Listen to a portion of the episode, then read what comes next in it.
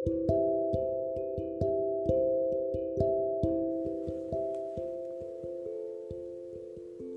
Hasan al-Basri pernah berkata, Siapa yang ingin mengetahui keadaan dirinya, maka hendaklah ia hamparkan amalnya di hadapan Al-Quran dengan membacanya. Sungguh akan jelaslah antara rugi dan beruntung. Beliau berkata, Allah merahmati hambanya yang menyesuaikan jiwanya dengan kitabullah Al-Quran. Jika yang didapati sesuai, maka ia mengucapkan syukur pada Allah dan memohon tambahan. Jika berseberangan, maka ia menyesal dan segera memohon ampun. Beliau berkata, "Sungguh mengherankan manusia itu. Di kepalanya ia dijaga oleh lidahnya sebagai pena dan air liurnya sebagai tinta. Namun dengan keduanya itu, ia masih bisa bicara yang sia-sia." Wahai manusia, engkau senang kebaikanmu disebut-sebut, dan engkau tidak suka keburukanmu diceritakan. Engkau menuduh orang lain dengan prasangka, sedang engkau menyebarkan gibah secara terang-terangan. Semua itu engkau lakukan dengan kesadaranmu bahwa ada dua malaikat yang ditugaskan untuk mengawasimu, mengawasi perkataanmu dan perbuatanmu. Wahai manusia, bagi orang yang cerdas, kesungguhan di malam hari tidaklah menghalangi untuk bersungguh-sungguh di siang hari. Kesungguhan di siang hari tidak menghalanginya untuk bersungguh-sungguh di malam hari. Hatinya tak henti-henti takut kepada Allah hingga Allah merahmatinya. Beliau berkata, "Jauhilah pujian, sebab pujian dapat memenggal leher." Telah diriwayatkan bahwa seseorang dipuji di hadapan Nabi SAW. Maka Nabi SAW bersabda, Engkau telah membinasakan orang yang kau puji. Jika dia mendengar pujian itu, tentu dia tidak akan beruntung setelah itu, bahkan selamanya. Sayyidina Hasan al-Basri berkata, Sungguh adil atau benar sikap seorang hamba pada Tuhannya yang mengakui Allah ada di dalam dirinya, meski Allah melambatkan turunnya rizki untuknya. Beliau berkata, tidak ada yang lebih utama dari mengunci lisanmu, dan tidak ada yang lebih penting daripada menolak ajakan hawa nafsumu. Beliau berkata, binatang liar tidak lebih membutuhkan tali kekang daripada dirimu sendiri Wahai anak manusia, engkau tidak akan mati lebih dulu sebelum ajalmu tiba. Engkau tidak akan dijauhi dari rizkimu, dan engkau tidak akan mendapatkan rizki dari jatah rizki orang lain. Lantas kenapa engkau kerja sampai lupa waktu? Atas dasar apa engkau membunuh dirimu sendiri? Suatu hari, seorang badui bertemu dengan Al-Hasan Al-Basri. Ia berkata, Semoga Allah memberimu kemaslahatan. Ajarkanlah padaku agama yang lapang, bukan yang menyingkirkan atau menjatuhkan. Al-Hasan menjawab, Jika engkau sendiri yang mengatakannya, maka engkau orang yang baik, karena sebaik-baik perkara adalah yang pertengahan. Beliau berkata, Siapa yang tidak mencoba lebih dahulu, maka dia terpedaya, dan siapa yang melawan kebenaran, maka dia akan dilawan. Manusia tidak lepas dari tiga hal: bala yang menimpa, nikmat yang akan sirna, dan angan-angan yang menghancurkan. Manusia adalah ladangnya ujian, bencana, dan kematian. Kemudian beliau terisak dan menangis dan berdoa yang artinya, Ya Tuhan kami, berilah kami kebaikan di dunia dan kebaikan di akhirat, dan lindungilah kami dari azab neraka. Ketika alasan mengetahui kematian Hussein ibnu Ali radhiyallahu anhu, beliau terisak dan mengeluh seraya berkata, Alangkah celakanya apa yang dihadapi umat ini. Cucu penyuruh umat ini terbunuh cucu dari nabi umat ini terbunuh. Ya Allah, perhatikanlah dia dan orang-orang yang zalim, kelak akan tahu ke mana mereka akan kembali. Beliau berkata, Wahai manusia, siapa yang hidup pada akhir zaman, hendaklah dia tetap tinggal di dalam rumah. Aku tidak mendengar bisikan dan tidak melihat teman. Semua manusia pergi, dan yang tinggal hanyalah patung-patung gambar.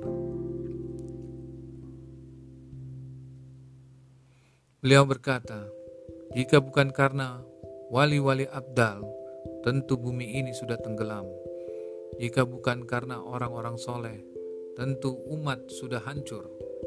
Jika bukan karena ulama yang tulus, maka manusia menjadi tak ubahnya binatang ternak. Jika bukan lantaran pemimpin, tentu manusia akan memangsa satu sama lain. Jika bukan karena orang yang lugu, dunia ini tentu sudah rusak. Jika bukan karena angin, sungguh busuk ruang antara langit dan bumi ini. Al-Ala bin Ziyad berkata, Aku bertanya pada Al-Hasan, ada dua orang, satunya menghabiskan waktu untuk ibadah, dan satunya sibuk bekerja untuk keluarganya. Siapakah yang paling utama dari keduanya?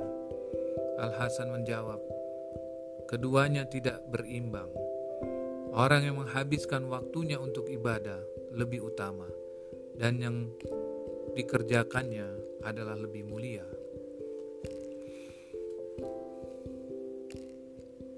Beliau berkata, "Jika engkau melihat sesuatu yang tidak engkau sukai pada diri anakmu, maka merendahlah kepada Tuhanmu. Kembali dan bertobatlah padanya, serta memohonlah ampunan padanya atas dosa-dosamu." Al-Hasan berkata, "Jika orang-orang menampakkan ilmu namun mengabaikan amal, saling mencintai dalam lisan, tapi saling membenci di dalam hati."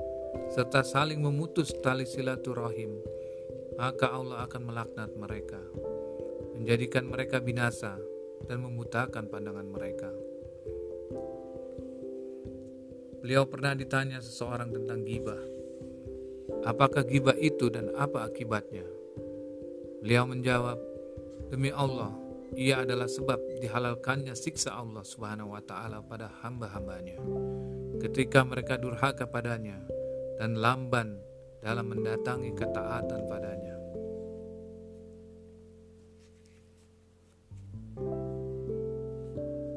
Sesungguhnya, ego itu sangat suka mengajak pada keburukan.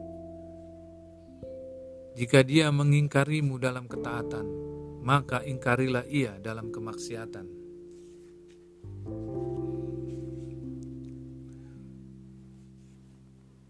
Pernah Al-Hasan Al-Basri ditanya, Wahai Abu Sa'id, sebab apa makhluk mendapatkan siksa?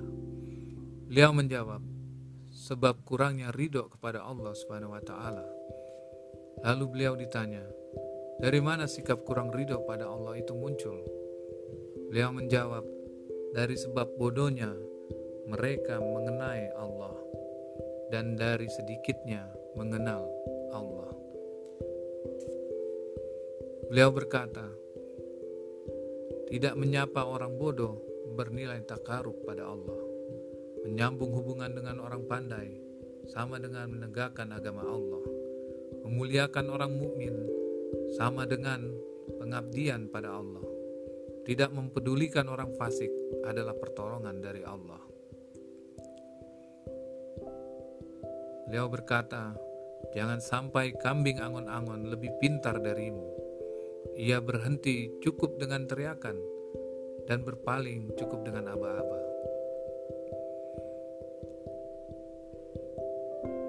Beliau pernah berkata, Aku mendengar Bakar Ibnu Abdullah Al-Musni berkata, Bersungguh-sungguhlah dalam beramal, jika kelemahan mematahkan semangatmu, maka cegahlah dirimu dari maksiat. Diriwayatkan dari Rasulullah SAW, Sesungguhnya beliau bersabda, Di dunia ini tidak ada pemberian pada manusia yang lebih baik daripada keyakinan dan keselamatan. Maka mohonkanlah kedua itu kepada Allah Subhanahu wa taala. Kemudian Al Hasan berkata, "Sungguh benar Rasulullah SAW, karena dengan keyakinanlah surga dimohonkan, neraka dijauhi, dan berkat keyakinan orang bersabar dari hal yang tidak menyenangkannya." Berkat keyakinan pula, hal-hal fardu dapat dikerjakan, dan di dalam keselamatan terdapat banyak kebaikan. Beliau berkata, seorang mukmin tidak akan berleha-leha hingga dia lalai. Jika dia merenung, dia bersedih hatinya. Siapa yang sholatnya tidak mencegahnya dari berbuat keji dan mungkar, maka sholatnya hanya akan membuatnya jauh dari Allah dan tidak mendapat balasan dari Allah kecuali kemurkaan. Orang yang menjaga ilmunya seperti orang yang mempertahankan diri di dalam perang, tapi menjaga amal lebih utama dan lebih banyak pahalanya. Wahai manusia, engkau halalkan hal-hal yang haram, engkau lakukan pelanggaran-pelanggaran, engkau jalankan dosa-dosa besar, dan menghayalkan angan-angan dari Allah untuk mendapatkan ampunan. Engkau akan tahu siapa orang yang berdosa. Ketika harta dan anak-anak tidak lagi bermanfaat, kecuali orang yang datang kepada Allah dengan hati yang bersih.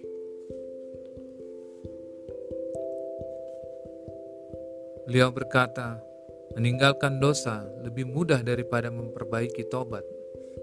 Muhammad Muhammad ibnu Wasi yang mendengar hal itu berkata, Semoga Allah merahmati Al-Hasan al-Basri. Demi Allah dia benar. Jika dia fokuskan hati untuk taat, maka akan selamat dari syahwat. Beliau berkata, Wahai manusia, ada antara engkau dengan keburukan. Bukankah kebaikan ini sangat jernih? Wahai manusia, jauhilah dosa-dosa besar engkau selamanya dalam kebaikan selagi tidak tertimpa dosa besar, karena itu akan mengubah hatimu dan merusak amal salehmu. Ada seseorang bertanya kepada Al-Hasan Al-Basri, Wahai Abu Said, siapakah orang yang paling nyaring teriakannya saat disiksa pada hari kiamat kelak? Beliau menjawab, orang yang membuat tradisi sesat lalu diikuti. Orang yang menyalahgunakan keahlian dan orang yang dianugerahi nikmat lalu digunakan untuk bermaksiat kepada Allah. Beliau berkata, orang mukmin melewati masa demi masa dengan satu perkara, dengan satu wajah dan dengan satu nasihat. Sedangkan orang munafik berubah-ubah demi dapat makan dari setiap kaum dan berusaha selalu mendapatkan keuntungan. Orang mukmin itu perbuatannya menguatkan ucapannya, keterbukaannya menjelaskan ketertutupannya, dan kehadirannya menguatkan ketidakhadirannya.